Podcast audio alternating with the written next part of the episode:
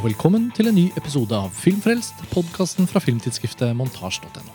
Mitt navn er Karsten Meinik, og jeg sitter her i dag sammen med Lars Ole Kristiansen. Hei, Karsten. Hei, Lars Ole. Vi er fortsatt på filmfestivalen i Berlin. Og i denne episoden så skal vi ta for oss et slags sånt, uh, spesialfokus. Og vi har til og med kunnet forberede oss litt i forkant av festivalen. Vi skal snakke om Abel Ferrara og hans to nye filmer. Han ble jo nylig reaktualisert ved at Quentin Tarantino valgte å løfte fram filmen The King of New York som en av sine all-time favoritter i den fantastiske podkasten Rewatchables. Ja. Jeg vet ikke hvor mange av lytterne våre som er kjent med den. Eh, vi kan i alle fall anbefale den varmt som et supplement til Filmfrelst. Og Quentin Tarantino ble invitert til å delta på tre episoder nylig. Og i to av episodene så snakket han om sine to av sine absolutte favorittfilmer fra tiåret vi nettopp er ferdig med. Og det var 20-tallsfavoritter. Mm, og det er fordi Tarantino da er i en prosess hvor han bruker mye tid på å se filmer om igjen, og se filmer han ikke har sett fra perioden, for å kunne lage en gjennomarbeidet liste. Og, men noe han allerede hadde kommet fram til, det var at Dunkerque det var hans nummer to favorittfilm fra tiåret. Og Unstoppable av Tony Scott var hans nummer ti. Selv om han i løpet av podkasten snakker seg opp til at den nok egentlig muligens vil ende med å få en enda høyere plassering. Men så i den tredje episoden så velger han å ikke snakke om en ny film, eller en nyere film, men en han mener nok har fått for litt Tross alt, selv om det er en kult forklart eh, film, da, har fått eh, litt for lite oppmerksomhet, eller i hvert fall eh, for lite tung anerkjennelse. Og eh, vi ble jo litt sånn i Ferrara-feber eh, etter å ha hørt den episoden. Det er en regissør jeg har hatt et veldig eh, godt forhold til i mange år. Og, men jeg vet ikke helt hvorfor jeg ikke valgte å se Tomasso i Cannes i fjor. Hans, det som fram til i dag var hans uh, forrige film. Uh, men jeg gjorde det ikke. Den kolliderte med noe et eller annet. Og av en eller annen grunn så tenkte jeg at jeg skulle vente og høre litt på bøssen, på en måte. Før jeg prioriterte den. Det handlet jo litt om at 2019 var et veldig sånn Det må ha vært festivalpragmatikk også. Altså, Ja, for det var et veldig sånn den- gullkantet ja, bøssen litt. Jeg var jo hjemme, så jeg visste jo at jeg ikke fikk sett noe. Ikke sant? Eh, men normalt så ville jeg alltid ha prioritert en Ferrara-film som vises på en festival. Jeg prioriterte f.eks. den dokumentaren hans om Roma i Venezia for en sånn fire år siden. eller noe sånt nå. Eh, den var dessverre ikke veldig god, men tross alt morsom å ha sett. Særlig eh, som en slags oppvarming til de to filmene vi da skal snakke om i dag. Eh, poenget mitt var uansett at jeg ikke fikk sett Tomasso. Og noen av våre kolleger, venner, var svært lite begeistret for filmen, som gjorde da at jeg virkelig liksom tenkte at ok, da får jeg Da får jeg se den på Blu-ray på en måte. Fordi jeg må uansett kjøpe den for å ikke få noe hull i Ferrara-rekken min. Og, men så eh, har han jo ny film i hovedkonkurransen i Berlin. Siberia. Og i likhet med Tomasso så spiller William Dafoe hovedrollen. Og i Tomasso spiller jo William Dafoe rollen som på en måte Abel Ferrara. I hvert fall et, et alter ego som nesten er helt én til én. Eh, og vi klarte å finne ut i forkant av, eh, av Siberia at vi tross alt faktisk var nødt til å se Tomasso i forkant. Ja, og, og, og akkurat som deg, jeg hadde jo også en sånn merkelig kom i helt sånn merkelig Ferrara-rus over Tarantinos ekstraordinære formidlingsegenskaper. Og det er en to timer lang episode om King of New York. Og så var det jo også bare en, bare en sånn Det er som om universet av og til spiller oss et sånt positivt pust. da. Så kommer liksom da en ny Abel Ferrara-film inn, seilende inn i hovedkonkurransen i Berlin. Og, og så, bare for da noen dager siden, idet vi skulle ned hit, så nevner du for meg at du har gjort litt research. Og det viser seg at Tomaso er i regulær tysk kinodistribusjon. Og den vises på et beleilig tidspunkt på en lokal, liten sånn art-kino her i Kreuzberg, hvor vi har eh, Berlin-leiligheten vår under festivalen. Så da ble det rett og slett til en sånn Ferrara double feature for oss. Og i dag så vi Siberia. Den hadde sin verdenspremiere. Så det er premisser for denne episoden. da Og, og, og det er jo alltid veldig gøy Lars Ole, synes jeg, å sette seg ned for festivalepisoder hvor man kjenner at det har fått bygge seg opp litt. Og vi har hatt mange sånne Ferrara-samtaler nå underveis som er liksom off the record, på en måte. Bare sånn fordi man syns det er gøy å snakke om han som filmskaper. Og jeg må jo takke deg litt for at du har hele tiden gitt meg noen ekstra liksom, push for å få sett flere Ferrara-filmer opp gjennom de siste 10-15 årene. på en måte. Og så kjenner jeg også, oi, liksom i årene vi har drevet montasje, da, så syns jeg det har vært veldig stas å gjøre noen av de oppdagelsene og innse at jo det? Vi lagde 90-tallskåringen, og du fikk meg til å se uh, den Dangerous Dangerous, Game, som leverte jo på alle felter. Og og så 2014 var jo et skikkelig spennende Ferrara-år. Jeg har fortsatt til gode å se Welcome to New York om Strauss-Kahn-skandalen. Men Pasolini, ja, mm. filmen om Pasolini som Abel Ferrara gjorde, Den var veldig god. ja, og som du skrev om på montasje, det er liksom om ikke et comeback, for det er ikke sånn at han har vært helt ute, så følte jeg at han har på en måte blitt, fått en slags sånn revitalisering. Og, og Ja, for og så kan man jo si at den revitaliseringen han fikk med Welcome to New York og uh, Pasolini, tross alt glapp litt igjen etterpå. Fordi det er jo to profesjonelt eh, lagde, holdt jeg på å si. Eh, altså til en viss grad stud små Godt nok finansierte studiofinansierte Godt filmer. nok finansierte filmer. til at de kan se bra ut. Ja. Ja. Eh, mens eh, den Roma-dokumentaren, som jeg nå ikke klarer å huske tittelen på, og Tomasso, er jo hjemmelagde filmer. Ja, Det er noe lurvete, selvfølgelig, men vi skal jo komme mer inn på ordene. Ja, ja, ja. han også altså, han sånn- klarer å men omforme han, det til altså. Karrieren til Ferrari går litt sånn i, i bølger, og det har den vel alltid gjort. Men man kan jo si at uh, han er jo tross alt fortsatt en sånn diamond in the rough. Fordi at han er jo ikke kanonist. Altså, for de som er veldig inne i en viss type film, så er han veldig stor. Men han har jo tross alt ikke fått en sånn type tung kanon, altså anerkjennelse, eh, kanonisering av, av, av, av, filmene sine på nivå med selvfølgelig liksom Sp- Spielberg, Scorsese, Coppola og sånn. Men altså, det også kultorienterte regissører da, som tross alt har mye større produksjoner enn han. Som Brian De Palma eller Davy Cronberg. Eller, men, men, jeg, men han er liksom eh, Det er veldig lett å, å på en måte glemme hvor imponerende noen strekk i Abel Ferrara sin karriere er. Jeg var f.eks. en kjempemotstander at vi bare skulle ha én film av han på den 90-tallslisten. Men jeg fikk ikke gjennomslag for det. Også fordi det var tross alt mange som ikke hadde sett, eller bare ikke hadde noe forhold til mange av filmene. Jeg er den første til å da uh? Man kan ikke være så idiot at man tror at man vet alt til enhver tid. Og vi skal leve lange liv, håper jeg, hvor vi erfarer nye ting. Og i etterkant av at vi publiserte uh, kåringen av 90-tallets 100 beste filmer, så har jeg heldigvis følt at listen er veldig tight på mange områder, og finner ikke mange svakheter med den. Men det gleder meg jo samtidig å oppdage f.eks. King of New York hadde jo ikke jeg sett Nei. den gang. Og i ettertid så føler jeg at jeg har blitt bedre kjent med Ferrara. Jeg har blitt bedre kjent med noen av filmene hans. Og ikke minst da, nå kan jeg jo si meg enig i at eh, det er for lite å ha én Ferrara fra 90-tallet på den kåringen. Men, men på en måte Men, et- men det er bare morsomt å tenke på liksom eh, Og nå vet jeg ikke nøyaktig rekkefølgen på disse filmene nå. Men King of New York, Bad Lieutenant, eh, Dangerous Game, Dangerous Game, The, fu the Addiction, The Funeral. The Funeral og hva, Og uh, Body, Body Snatchers. Den er også 93, tror jeg. Ja. Samme som Dangerous Game. Eller i, innimellom der. Ja. Den rekken der er Altså, Martin Scorsese har aldri laget så mange så gode filmer etter hverandre, f.eks. Det er bare Ser verdt Ja. å tenke på hvor eh, sånn Kronbergsk Mm. imponerende konsistent Eh, kvalitet eh, Ferrara på et tidspunkt leverte. Og så var han en skikkelig liksom ordentlig kultkonge.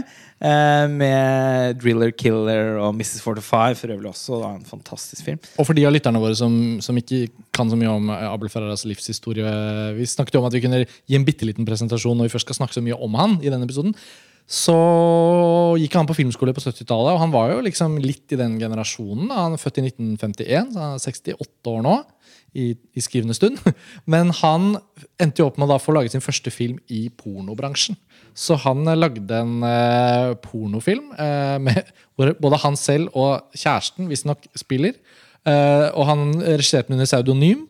Eh, og den heter The Nine Lives of a Wet Pussy. Uh, Fantastisk tittel. Uh, man, kan, man kan se på det med, med stor grad av humor, men det er jo også interessant at den eh, rufsete filmskaperen man da lærer å kjenne gjennom de første par ordentlige filmene hans, på en måte da, mm. si sånn, så, så ser man jo at det kan jo ha hva nå enn han hadde av lidelse ved å gjøre det. Det var sikkert en følelse av at han måtte tjene noen penger. Og måtte, han kunne jo ikke vite at han skulle bli en stor filmskaper heller. Men så debuterer han på ordentlig da med The Driller Killer, som er jo en splatter. Og, og så kommer Miss 45 i 1981. Og eh, det er ikke mange årene siden jeg så den for første gang. Den er jo helt klokkeren Rape Revenge. Altså, det er så bra film. Ja, Ja, Det er så sinnssykt bra film. Og det er nå skal vi ikke bruke så mye tid på den denne episoden, men Nei. vi kommer jo tilbake til Jeg den. tenker at nå, jeg syns det mest undervurderte det, blir, det blir rart å snakke om Ferrari som undervurdert regissør. Da. For som sagt, I visse kretser så er han Ja, virkelig han er jo respektert og en av de anerkjent. helt uh, store amerikanske filmskaperne fra sin generasjon. Men, uh, men en ting jeg tross alt føler at er litt sånn undervurdert med han, bare i sånne samtaler som føres om Ferrara, er jo at han er en fantastisk god filmskaper med liksom sånn skikkelig filmskapermuskulatur. Eh, det er lett å liksom tenke på han som en sånn filmene han som veldig sånn rufsete og, og, og underbudsjetterte og kultforklarte. Men sannheten er jo at han er en veldig virtuos regissør. Han superelegant filmspråk. Egentlig en ganske sånn klassisistisk filmskaper. Litt sånn på samme måten som, som, på samme måten som egentlig, tross alt, uh, f.eks. David Cronenberg eller Roman Polanski til og med, er, også er det. Altså, de har ofte veldig sånn morbide motiver. Uh, Polanski selvfølgelig gjør mye med optikk og sånn, som, kan, som i hvert fall for sin tid var ganske eksperimentelt eller nyskapende. Men, uh, men det er tross alt likevel en nokså liksom klassisk stil, da, som også Ferrara har. Uh, selv om det er liksom en hod, et hode som blir knust eh, til en gryterett, så, så, kan ha, så, så er det noe veldig sånn Det er ikke nødvendigvis noe rufsete over Nei. filmskapingen. Den er ofte veldig sånn øh, og, og fantastisk god på å jobbe med lave budsjetter, for han vet hvordan han skal mørklegge bakgrunnene og skape sånn Altså Lysefoto i de filmene er ofte helt fantastisk bra. Med små midler. da Ja, og da er jo Miss 45 et klasseeksempel siden den kom så tidlig i karrieren hans. Bare hele sluttsekvensen i den filmen, eh, uten å gå for mye detaljert inn på det, så, så er det Det er jo tegn på en filmskaper som har egentlig alle de egenskapene som mange av disse i hermetegn større filmskaperne eh, har. Men han hadde kanskje ikke personligheten til å kunne jobbe i Hollywood. For han slet jo da åpenbart i flere tiår med et enormt rusproblem. Og det kom jo frem både i filmene hans, men også i litt sånn hudløst ærlige intervjuer han har gitt. og det er på en måte ikke, Han har ikke lagt skjul på noe. Han er egentlig en litt sånn type som um, egentlig ikke ser ut til å være så redd for å bare si sannheten om ting. Også i filmene sine, som, som bidrar til noe av det jeg syns er et sånt særpreg. da. Ja. Jeg har ikke sett alt, og det er mange dokumentarer som han har gjort innimellom som jeg ikke har sett. og sånn, Men, um, men han har, han har vi frem, fremvist at han er litt sånn Han har en egen evne til å liksom skildre levd liv.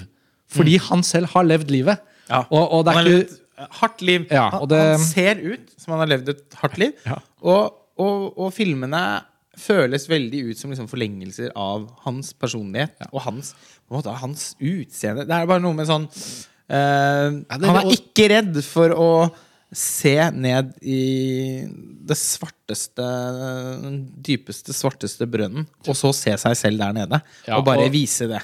Og noe av grunnen til at vi selvfølgelig synes det er relevant å trekke opp disse linjene, er fordi denne Skal vi kalle det en diptyk, som vi skal snakke om nå? Ja, eh, vi Tommaso og Siberia er da virkelig sånn helt åpenbart selvransakende, personlige filmer eh, på et på en Altså, det er jo bokstavelig i flere av de eksemplene vi etter hvert skal komme nå fra disse to filmene, at han, at han nå lager liksom sine altså sånn, Han går inn i seg selv. Og Det er ikke det at han ikke har gjort det tidligere, men det blir veldig uttalt. Og filmene hører så tett sammen at da dette guddommelige initiativet ditt, Lars Ole, om at vi skulle få sett Tomaso, viser seg å være helt essensielt for å egentlig kunne få noe ut av Siberia. Vi kom ut av Siberia i stad og sa tenk på de som nå satt og så dette uten å ha sett Tomaso. Ja, altså, og den filmen er jo helt kokkeli munke. Eh, Ja. Så det må jo Det, det var jo rart eh, og, og spennende, vil jeg si, for alle som var der. Men Eh, Å se den uten å ha sett Tomasso ville vært en helt annen opplevelse. Og Tomasso Så skal vi, si, skal vi tegne opp kort hva disse to filmene da handler om? Begynne med Tomasso og Ja. si litt om hva premisset er her. ja, Premisset er jo at vi følger eh, Abel Ferrara, spilt av Willem Dafoe, Og gitt navnet Tomaso, ja, som eh, bor i, i Roma. som også Abel Ferrara gjør. Og som er en amerikansk filmskaper i utgangspunktet. Som også Abel Ferrara er. Ja. Og som har giftet seg med en vesentlig yngre eh, Russisk skuespiller. Russisk. Mm, uh, ja, Som også spiller da seg selv i filmen. yes. uh, og de har eh, fått en datter sammen. uh, og hun spiller også datteren i filmen. Så det Jeg er vil helt tro også, nesten selvbiografisk. Ja, jeg vil også tro at leiligheten de bor i, er filmens Høyst sannsynlig. location. Og filmskaperen Og i, denne, og i denne Jeg må bare nevne det, da. At i den dokumentaren hans fra, om hans liksom, kvarter i Roma, som jeg så, så er jo også Willem Dafoe mye til stede. Fordi William Dafoe har også eh, har fått seg en italiensk uh, kone. Uh, og også bosatt seg i Roma. Så han bor størsteparten av året i, i en leilighet i Roma og har og har en nær relasjon til Abel Ferrara. De har spilt i flere av filmene hans, så jeg tror de er omgangsvenner i Roma. Defoe var vel uh, i en Ferrara-film allerede i New Rose Hotel på slutten av 90-tallet. Så man kan jo spore dem langt tilbake. Og, og, og, og, og når man da ser Tomaso og vet litt av dette fra før av, og oppdager en del av det underveis i filmen, så, så, så har man jo en veldig sånn Jeg sier ikke at man ikke har respekt for Abel Ferrara uansett, men jeg syns det kommer som en selvfølge, som en form for selvsagt høflighet, nærmest, at hvis noen lager en såpass selvbiografisk film, så skal man i det minste gå inn i Jeg kan ikke skjønne hvordan man kan stille seg negativt til den filmen, jeg likte den veldig godt, men men i det minste så må man respektere at det er ikke lett å vrenge sjelen sin på den måten. Og jeg syns ikke han gjør det på en privat måte. Filmen føles veldig sånn. Det er en historie om samliv, om eh, å komme til et visst punkt i livet. Og en av grunnene til at det også forankres veldig mye i i veldig sånn gjenkjennelig tematikk, er jo at han også inkluderer veldig sånn tydelige eh, hverdagslivssekvenser for en person som har det sånn som han har det. Altså, Vi får være med på AA-møter med anonyme alkoholikere. Og vi får være med på språkkurs hvor han lærer seg italiensk. Yes. Vi får være med ut og leke med datteren i parken. Altså Det er veldig mye sånn Han går på butikken. Ja. Kafeen får seg en espresso. lager mat, gjør oppvasken, gjerne i to minutter. Så det er liksom Det er litt rørende, syns jeg, at filmen tar form av et hverdagsliv som også er selvbiografisk. Uten at det blir sånn privat. At det heller burde vært en dokumentar. For det syns jeg ikke det burde vært. Nei, Det er veldig det kult ikke. at det har en litt sånn fiksjonell behandling. Absolutt. Og, og man ser også at det, man ser ganske tydelig at det er noen av Dafoe sine hvert fall et par sånne møter med folk i filmen. Man tenker at her må det vel tross alt være noe dokumentarisk over det. Så har man fått god altså, Så har vel de har, de de har møtt, godtatt at det kan være med i filmen etterpå. Men eh, selv om den og, og man har brukt Filmen er åpenbart skutt på flere forskjellige formater og sånn. Alle digitale. Alle meget digitale. Eh, og ser jo derfor egentlig på en måte da hjemmelagd ut. Men eh, Og det de skaper jo også en litt sånn tross alt en litt sånn dokumentarisk følelse. Jaff, på, liksom, på samme måte som i Jafar Panahi sin This Is Not a Film.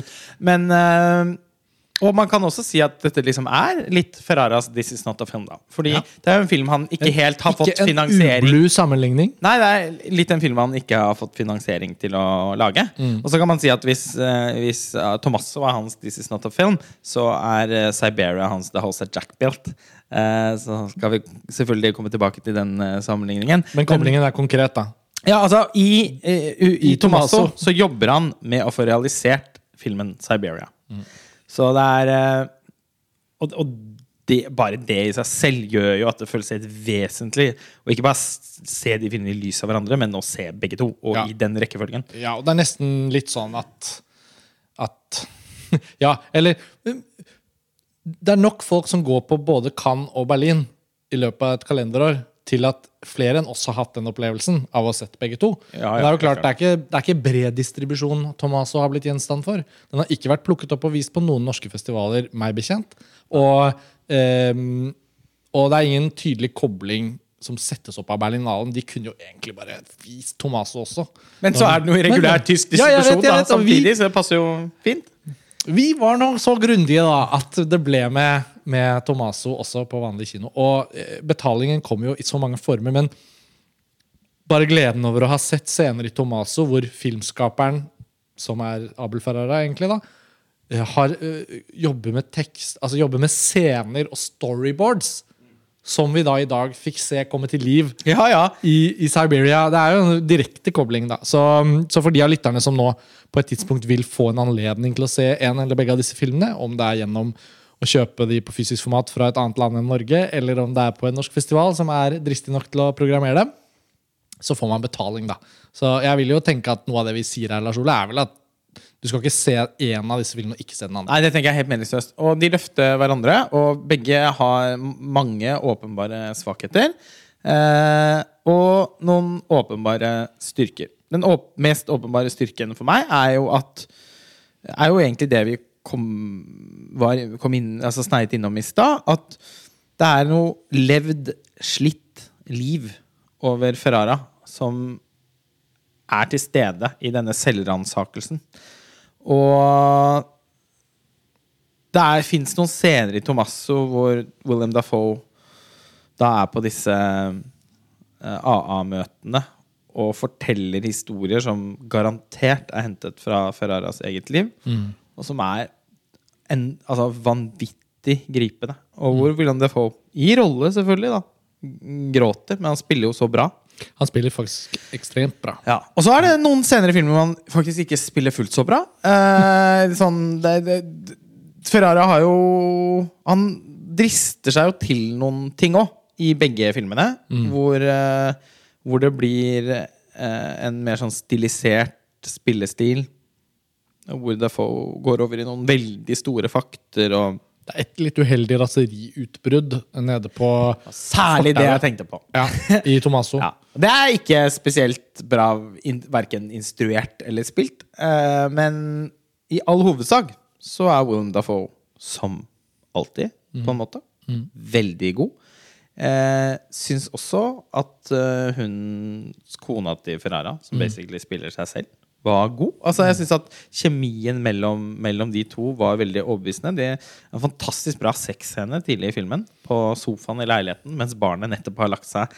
Eh, som på en eller annen måte også ga en sånn litt sånn rå innsikt i, i deres hverdag. De prøver å tilrøve seg et øyeblikk av intimitet og, og, og uttrykke sin kjærlighet for hverandre gjennom selvfølgelig å ha sex. Litt sånn Ja, datteren vår ligger og sover, så vi får gjøre det her på sofaen-stemning. Og, og idet de tenker nå har vi faktisk kommet til Sanadu, så våkner datteren da i bakgrunnen. Og det er på en måte bare sånn Veldig morsomt. ja, Og det er det er også en scene hvor, som demonstrerer hvor god Abel Ferrara er på å bruke knapper og glansbilder til å lage bilder. Fordi der har han brukt en sånn, sånn, liksom type Ikea-lampe som har en sånn, en sånn effekt ved at det er sånn utskjærte Eller sånn, eh, Hull i lampeskjermen. Nettopp. Ja. som gjør at det blir kastet et sånt eh, eh, Vittorio Storaro for Bertolucci-aktig Ja, ja, lysmønster. Og, ja, men det er Om ikke det er persienner, så er det i hvert fall ikke sant? Ja. Ja, men det gøye er jo bare at, at det fungerer. Det blir veldig stemningsfullt. Han er også veldig god på flere steder i filmen å bruke linser, optikk eh, ly, altså, bru, lyskilder på veldig kreative måter. Og veldig sånn dynamisk eh, kamerabevegelse, koreografi, som gjør at han får likevel Altså, det er likevel ordentlig liksom, filmskaping involvert her. Som eh, jeg blir nesten litt sånn rørt av. Han har virkelig ikke mista det. Selv om den er lurvete. ikke sant? Det, er, han, han, det har ikke vært mulig å lage denne filmen på noen annen måte enn akkurat sånn som den er laget. Det er en grunn til at alle disse formatene skifter. Noen ja. Ganger så ser det skikkelig stygt ut òg. og andre ganger så ser det overraskende flott ut. Altså man, Wow! Her var det liksom eh, Så og, og det gir også filmen en eller annen sånn slags nerve. Jeg vet ikke, jeg satt på ank hele tiden og liksom også var redd for at filmen skulle bli dårlig. Eh, og For den var jo der, er- man touchet på det dårlige av og til. Absolutt. Den sneier innom noen, dårlige ting. Og, Og da, da sitter jeg liksom og skikkelig sånn heier på filmen og vil redde den fra å dette ned i kulpen. Et sted og, hvor den tok seg inn, eksempel, bare for å eksemplifisere det, føler jeg at det er de, Han har sånne episodiske da, runder i, hos anonyme alkoholikere på møte. da. Og parallelt med dette så blir jo da stemningen hjemme Romantikken i luften er rimelig ut, ut av vinduet. Um, og han kjenner seg ensom, åpenbart. Nå er det jo da den fiksjonelle, fiksjonelle rollefiguren Tomaso, liksom, da. Og Willem Dafoe har da uh, en hyggelig samtale med en av de andre. En kvinne da, fra de anonyme alkoholikere-gruppa.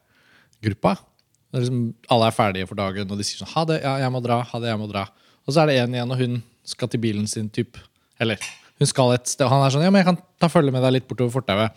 Og den filmatiske konvensjonen er jo da at liksom han skal flørte, flørte til seg noe hos en eller annen kvinne i livet hans fordi han er misfornøyd hjemme. Og den, det blir nesten litt sånn suspens, fordi man tenker ok, de, de har en walk and talk, sånn Richard Linklater-style, langs fortauene i Roma om natten på vei hjem fra anonyme alkoholikere. Og så blir ikke scenen liksom kort eller dramatisk. Den bare, den bare går og går, og så blir det bare liksom en prat. Og så kommer hun frem, og så er det sånn Ja, nei, men takk for i kveld, da. Og så er det det. Og da følte jeg filmen traff en sånn sannhet. sånn så deilig at den ikke ble sånn dramatisk konvensjonell, men at den bare var sånn Ja, det var det. Og Tomaso han må da gå alene hjem. ja. Og da kjente jeg sånn Det var sånne øyeblikk hvor filmen tok seg inn igjen. da Hvis den hadde vært borti noe litt sånn teit. eller Siberia er jo da tross alt en helt annen film. Ja, Og det er jo så skal, hadde... hvordan ville du beskrevet uh, premisset for Ja, jeg gåsetegnshandlingen i jeg, den? Jeg kan, ja, jeg kan prøve. Jeg, kan, jeg vil starte med slutten. Vi kommer ut av kinoen, og uh, du og jeg uh, smiler og nikker anerkjennende til hverandre at liksom ja, Uansett hva man kan si om denne filmen, så her var det jo mye å snakke om. Det kommer til å bli gøy å snakke om. Og jeg, jeg, jeg, altså, jeg føler av og til av høflighet at vi alltid må nevne dette med spoiler. og sånn, og Tomaso er liksom ikke en sånn film. Siberia er i hvert fall ikke en sånn film. Men, men hvis noen lyttere bare er så overbeviste Abel Ferrara-fans at de på død og liv skal gå blanke til noen av disse filmene, så, så, så kan dere jo eventuelt Fordi vi må snakke om masse konkrete ting. Eh, men jeg tror hvis det i det hele tatt er aktuelt for noen å se denne filmen, så tror jeg det hjelper eh, å ha fått litt Litt presentasjon, da. Ok, Så vet dere det, da, de hører på. Um, Siberia er da en film hvor det på en måte ikke fins noe eh, realistisk eh, univers. Når man har sett hele filmen, så tenker jeg at ingenting av filmen er liksom en egen historie. Eller et, et fortellerunivers som er sånn uh, her, Dette er tid og sted, dette er realismen i filmen. Og så har vi drømmesekvenser. Sånn. Jeg føler Hele filmen er en eneste allegori eller en eneste lang stor konstruksjon for å dykke inn og ut av minner og, og bilder. Og, og egentlig er det hele veldig sånn følelse, allegorisk og følelsesbasert. Kombinert med sånne minner, barndomsminner. Det å bli mobbet og bli puttet oppi en treeske. Og bli dyttet rundt av de andre barna mens du er inni en kiste hvor de har stengt deg inne. Og du kommer ut og du føler at du har liksom blitt plaget. Så William Defoe er jo et slags um, Han er en slags sånn avatar, nesten, for en form for en person som har noen minner. Men vi blir jo ikke må, som må være Abel. Ferrara. Apropos det vi da Det føles jo veldig sånn det er liksom, Dette er litt sånn B-filmversjonen av Tarkovskijs speil med liksom penslet uh, marihuana. Ja. Ja, og, du, og du har jo allerede nevnt The House of Jack Built, og det kommer vi til å komme mer inn på. Men, men dette er paralleller. Også, dette er jo helt søkt, da, men sånn Rent bortsett fra at House of Jack Built da, på en Ja. måte er en, et publikumsfrieri Ja, ja, ja, ja. sammenlignet Så, med men vi skal jo justere sammenligningene, sånn at ikke det blir Ikke det kommer feil ut. Ja. Jeg, jeg, jeg vil slenge inn da liksom en helt abstrakt en. Hvis du tenker på i Christopher Nolans Inception, da hvor det, Den var lagt ute! ja, Men altså, visk ut alt med den filmen. Som, det, er ikke, det er ikke det jeg mener med sammenligning. Okay. Men hvis du tenker at både Inception og Siberia har egentlig en struktur hvor de ofte skal åpne skuffen på et sånt kabinett, og nedi den skuffen så er det en drøm eller et minne eller noe konkret som skal liksom besøkes. Kartotekaktig ja, dramaturgi. ja, ja, skal besøkes, og så ut igjen. Og Siberia, tittelen på filmen, henviser jo til et et uh, barskt vinterlandskap. Hvor vi møter Willem Dafoe Ja. pakket inn i vinterklær. Ja. Første scenen er en uh, inuitt. Eh, altså en russisk eh, inuitt, da, men eh, som, som kommer inn i en trekoie. Hvor William Dafoe ser ut Har til en bar! drive en slags bar. Det var, Da var alle, allerede filmen nokså god for meg. Jeg synes jeg var så ute og morsom i det. Ja. Filmen åpner med bare tidenes største Ute i et suspension of is- disbelief. Ute i et isøde, Det er så er det en tidenes bar. suspension of disbelief. Ja. Hvis, du kan tro, hvis du tror at det er ment å være en ekte bar, da kommer du ikke til å ha noe glede av den filmen. Eh, jeg har hørt at uh, det er visst ganske Altså de smårettene han lager der, er, Ja. altså Michelin har vært der. Det er visst naturvin som serveres. uh, ja. Oh, ja. Så uh, etter to minutter så skjønner man Dette her er jo måte Det er, jo te, det er en teaterscene, på en måte. Mm. Og, og med denne kartotekaktige episodiske dramaturgien som vi nettopp da har beskrevet, så får man liksom Willem Dafoe i en trekoie i et ekstremt vinterlandskap. Med sånne veldig spennende og visuelle kompanjonger i form av sånne husky-hunder som står uh, utenfor, og han har en sånn slede. Og denne hundesleden blir etter hvert liksom transportmiddelet, det narrative transportmiddelet inn og ut av disse uh, kartotekskuffene med minner, drømmer, mareritt osv.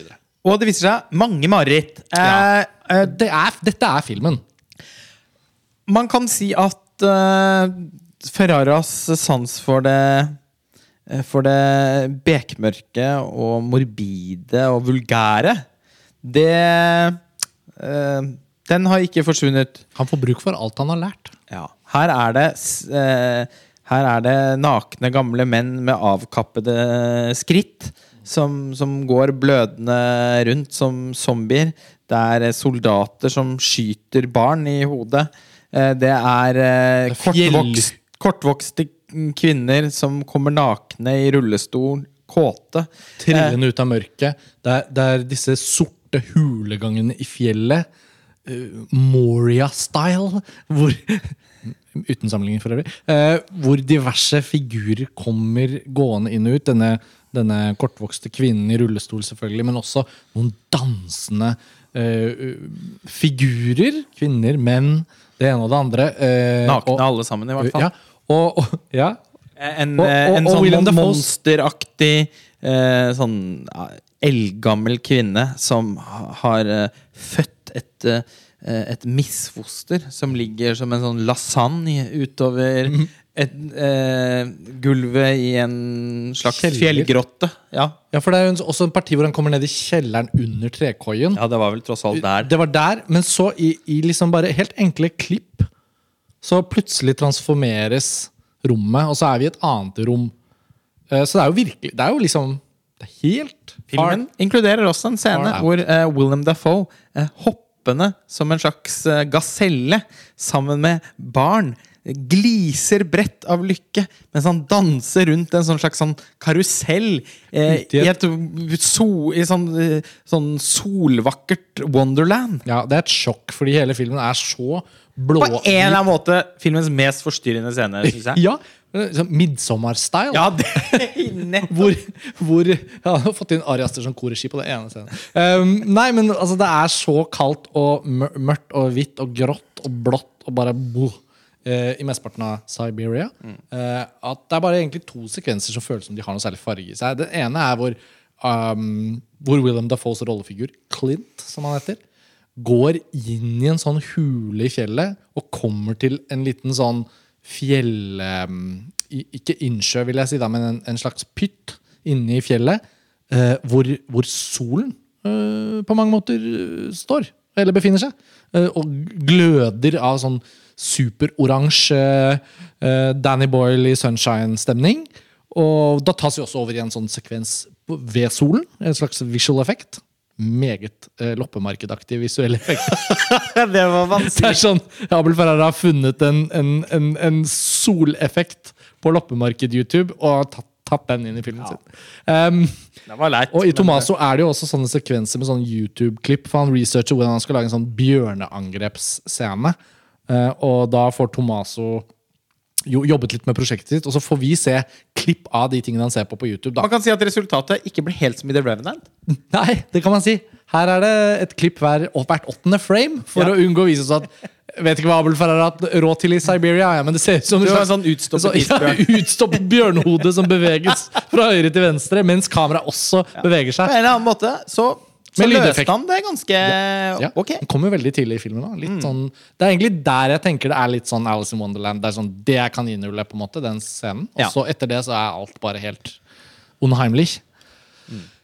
Så som dere forstår, så har jo da Siberia såpass mye B-filmaktige realiseringer. Hva skal vi si? Bildevisualiseringer. Ting som er blitt fanget inn i bildene. Men, Men også i bare egentlig kraft av liksom sin morbiditet, da. Ja. Og, og, og, og sånn eh, man, ser at han liksom har eh, fråtset i eh, å lage de marerittaktige sekvensene så kvalmende og, underlige som mulig.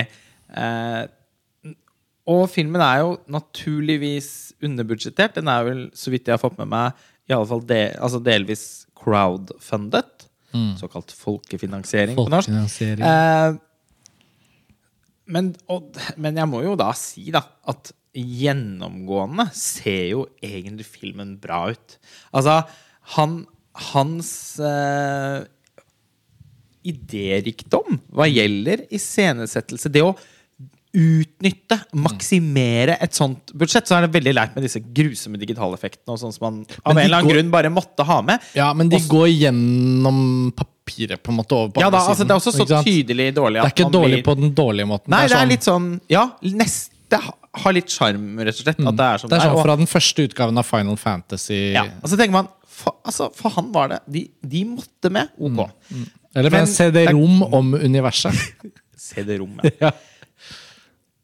Det er eh, noen andre scener i filmen hvor, hvor jeg virkelig liksom føler at at bildene er ordentlig spennende. Da. At det er, det er liv i bildene.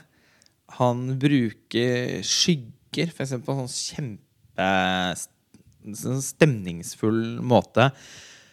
Klarer å liksom Han mørklegger så mye, da. Sannsynligvis fordi han er nødt. Men det blir egentlig ganske spennende bilder som et resultat av det. Det er også noen veldig flotte sekvenser utendørs, hvor man selvfølgelig har blitt sånn drone og sånn, som man kan eh, i dag. Men eh, hvor eh, et sånt litt sånn grønnsaturert vinterlandskap eh, er fanget inn på en veldig vakker måte, med Willem Dafoe på sleden med disse huskyene i full fart. ja, altså jeg skulle til Det er, ga- det er mye og, og filmskap... Altså, jeg, jeg, sånn, hvor mange norske filmskapere er det som hadde klart å lage noen av de bildene og sekvensene i denne filmen Altså- for så lite penger? Ja. Espen Sandberg hadde noen sånne husky-sekvenser i den Amundsen. Ja. En film jeg syns var god. Mm, den er god. Og, så sammenligningen er ikke for å egentlig kritisere. Jeg bare sier at den, der hadde de De skulle sikkert gjerne hatt mer penger, men de hadde vesentlig mer penger enn Abel Ferrara har hatt. Men disse hundesledesekvensene i Siberia, i sin sånn poetiske, flytende visualisering av nettopp det, da. Også fordi at reisene er jo ikke da en narrativ reise, fordi filmen har for lengst etablert at den er jo ikke noe narrativ. Så når du ser de sekvensene, så er det ikke sånn at du forventer at du skal flyttes til en del av en ny fortelling. Det er mer sånn Ok, det er nesten som sånne Jeg vet ikke hva jeg skal kalle det, men jeg likte de veldig godt. Og, og, og med tanke på at da Tom Cruise og Mission Impossible-produksjonen fikk gud vet hvor mange statlige millioner for å filme ditt og datt i Norge. da. Eh, Prekestolen er jo greit nok, men det er jo mye sånne flytende kamera mellom fjellkjeder og sånn. Det er synd nesten at ikke Abel Ferrara hadde en søknad inne for å skyte mye av dette i norsk natur. da, For det kunne like gjerne vært filmet i Norge. Selvfølgelig. Da hadde jo budsjettet Da hadde jo, da hadde jo Ja. millionene kommet dinglende fra Det som er helt åpenbart, er at Fe- Ferrara er ikke en regissør som man trenger å tenke at ikke kan ha så mange Ikke må få for mye penger lenger. da At han vil misbruke det, at han vil bare fucke det opp. Lage noe. Se på Pasolini, liksom. Eh, hvor eh, og, Filmen Pasolini. Ja, filmen Pasolini. Eh, hvor eh, åpenbart det er at han der, ikke med et høyt budsjett, men med et respektabelt budsjett, Ja. tross alt makser det. Og det har han alltid gjort. Ja da, og det er han det fortsatt skikkelig skikkelig god på. Uh, hvor mange av, eh, av, film, av scenene i, i, i Tomasso er skutt med mobilkamera, på en måte, og de Mm. Mange. ser ikke ut som Tangerine. Og Tangerine skal se ut sånn som den gjør, fordi Ja. det er det Sean Baker har hatt lyst til. Ja. Men uh, Abel Ferrara har ikke lyst til at det skal se sånn ut. og Han gjør alt han kan for at det ikke skal det, Mm. og lykkes Ja. så godt det er mulig å lykkes. Holdt jeg på å si. Og det er den blandingen vi snakker om av en respekt og en litt sånn At man man blir liksom litt rørt av hvor tett han tar oss inn på livet sitt. da. Ja. Og når han da i tillegg virkelig, med all sin vilje og egenskap, ønsker å gjøre bildene så spennende og filmatiske som mulig, da. Ja, det så er det faktisk litt sånn gripende, det han holder på med her. Ja, det synes jeg også. Dette er ikke to filmer som har fått lett fødsel. Altså, det, er ikke, det er ikke sånn at verden har hjulpet dem inn, og tre jordmødre har stått klare, og de beste sykehusene, og alle skal få disse babyene ut. Ikke fullt så vanskelig fødsel som hun ene da i filmen. Nei, jeg skulle til å si at det Eh, var men- kanskje litt dum, dumt bilde der, siden vi har en litt grusom fødsel i Siberia. Poenget mitt er uansett at Abel Ferrara som 68 år gammel levd livmann, som virkelig har, har tatt sine kamper, han ser ut til å ha en nesten sånn ung, ungdommelig iver etter å få filmatisert noe av dette han har da, på hjertet. og, og, og det, Det blir jeg over. Mm. glad for å se. For på en eller annen måte så er jo da Siberia i hvert fall har en sånn House the Jack Built-aktig eh, Liksom melankolsk Litt destruktivt selvransakende dimensjon Det, det man kunne si. ved seg. Men da, nettopp derfor så, så blir man litt glad av å se at det er ganske åpenbart at han har det gøy med å lage filmen. Åpenbart. Og jeg tenker at vi skal runde av, også fordi det er grenser for hvor lite det skal være å oppdage for lytterne når man da ser disse tross alt eh, ikke så Altså, filmene er, er innholdsrike, men, men også begrensede. Altså, de foregår innenfor noen ganske sånn tydelige Utspiller seg innenfor noen ganske tydelige rammer. Jeg synes Eh, det er mye ved filmene vi ikke har satt ord på. Så jeg tenker at dette var ja, det er riktig tidspunkt. Det er, såpass, det er såpass gøy å være litt sånn inni Abel Ferrara som du og jeg er nå. Mm. så det er klart at eh, det frister jo bare å kaste seg inn i noe annet i tillegg. Bare fordi at eh, vi nevnte det i starten, ikke sant? Men bare for å repetere det. Å høre på den episoden hvor Quentin Tarantino snakker om King of New York, det er kanskje noe av det beste. Altså den beste filmformidlingen jeg har hørt utenom Filmfrelst. no, nei, men altså, det er bare så bra. Og man blir er fordi, helt eh, for, Bare for å liksom, lage en sirkel da, før vi avslutter, så, så syns jeg at uh, hvis man hører den episoden, så, så, så er også Quentin Tarantino veldig opptatt av Abel Ferraras liksom, liv og hvem han var, og hvordan han lagde filmene sine, hvordan han jobbet med casting, hans egenskaper til å få mye ut av lite. Det tror jeg var tilfellet den gangen også. Så det, det er bare så gøy å se at definitivt tilfellet den gangen. ikke sant? Så at, å, å, å følge da et mønster for en filmskaper som aldri har fått slengt millioner av dollars etter seg fra Hollywood Han har jo virkelig, Kanskje hvis han opplevde det én gang, så klarte han ikke å utnytte det, og så ble det tilbake til indiefilmen. Og litt sånn, Men han har så fortellertrang! Tenk på alle de dokumentarene han har gjort innimellom. Han lagde den dokumentaren den der Chelsea Hotel. som heter Chelsea on the Rocks. Jeg har ikke sett den, men vet at den fins. Han har hatt så mange ting han har liksom brydd seg om, fått tvunget ut film om det ene og det andre. Og det har liksom ikke stått på viljen, og da er det så rørende, syns jeg, at disse to filmene her også har da kommet. Og på tross av de vanskelighetene, økonomiske begrensninger og en og annen dårlig scene, så er det fortsatt sånn, i hvert fall for deg og meg, da, at dette her er veldig spennende stoff Ja. å gå inn i. Og, og, og, og de må anbefales med på en måte disse hva blir det, 40 minuttene med prat. da. Jo, fordi det, det, Man må sette det opp litt for, for publikum. Jeg Ja, tror det er lettere å ha glede av filmene. Ja, jeg tenker at det aller siste vi nå skal si, er at disse to filmene er nødt til å ses altså etter hverandre eh, og sammen. Det er nesten poengløst å i hvert fall bare se Siberia. Og de kan anbefales varmt til fans av Abel Ferrara, og ikke til noen andre. Jeg tenker at, jeg, jeg tenker at det er helt Ja, men jeg tenker at det får være grenser for hvor man altså sånn, Noen ganger så må man også bare si at Det er en rød linje. det er en rød linje her. Dette er ikke filmer å se for noen som ikke er kjent med Ferrara sin filmografi.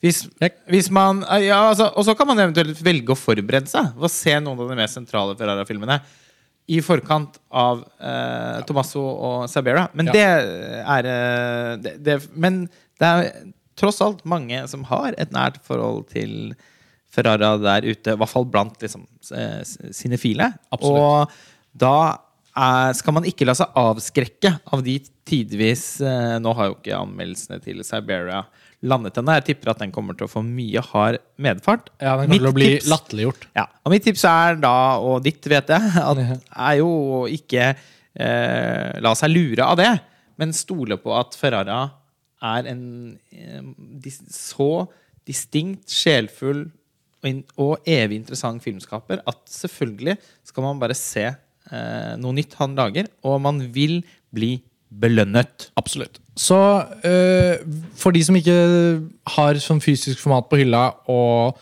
handler inn DVD-er og Blu-rayer, så kan jeg bare tipse om at på Amazon Prime, en strømmetjeneste som også er tilgjengelig i Norge, som mange har pga. Fleabag blant annet, og andre originaltitler, så har jeg eh, gjort litt research, og der er det faktisk fire Abel Ferrara-titler.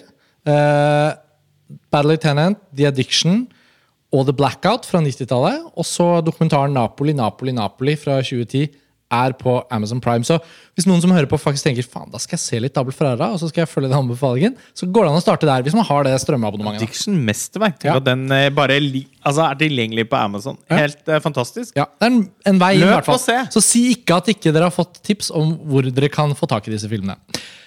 Lars Ole, det var det for denne episoden fra Filmfestivalen i Berlin, vår Abel Ferrara spesial. Vi er straks tilbake med nye episoder. Kjære lyttere, takk for at dere hører på Filmfrelst.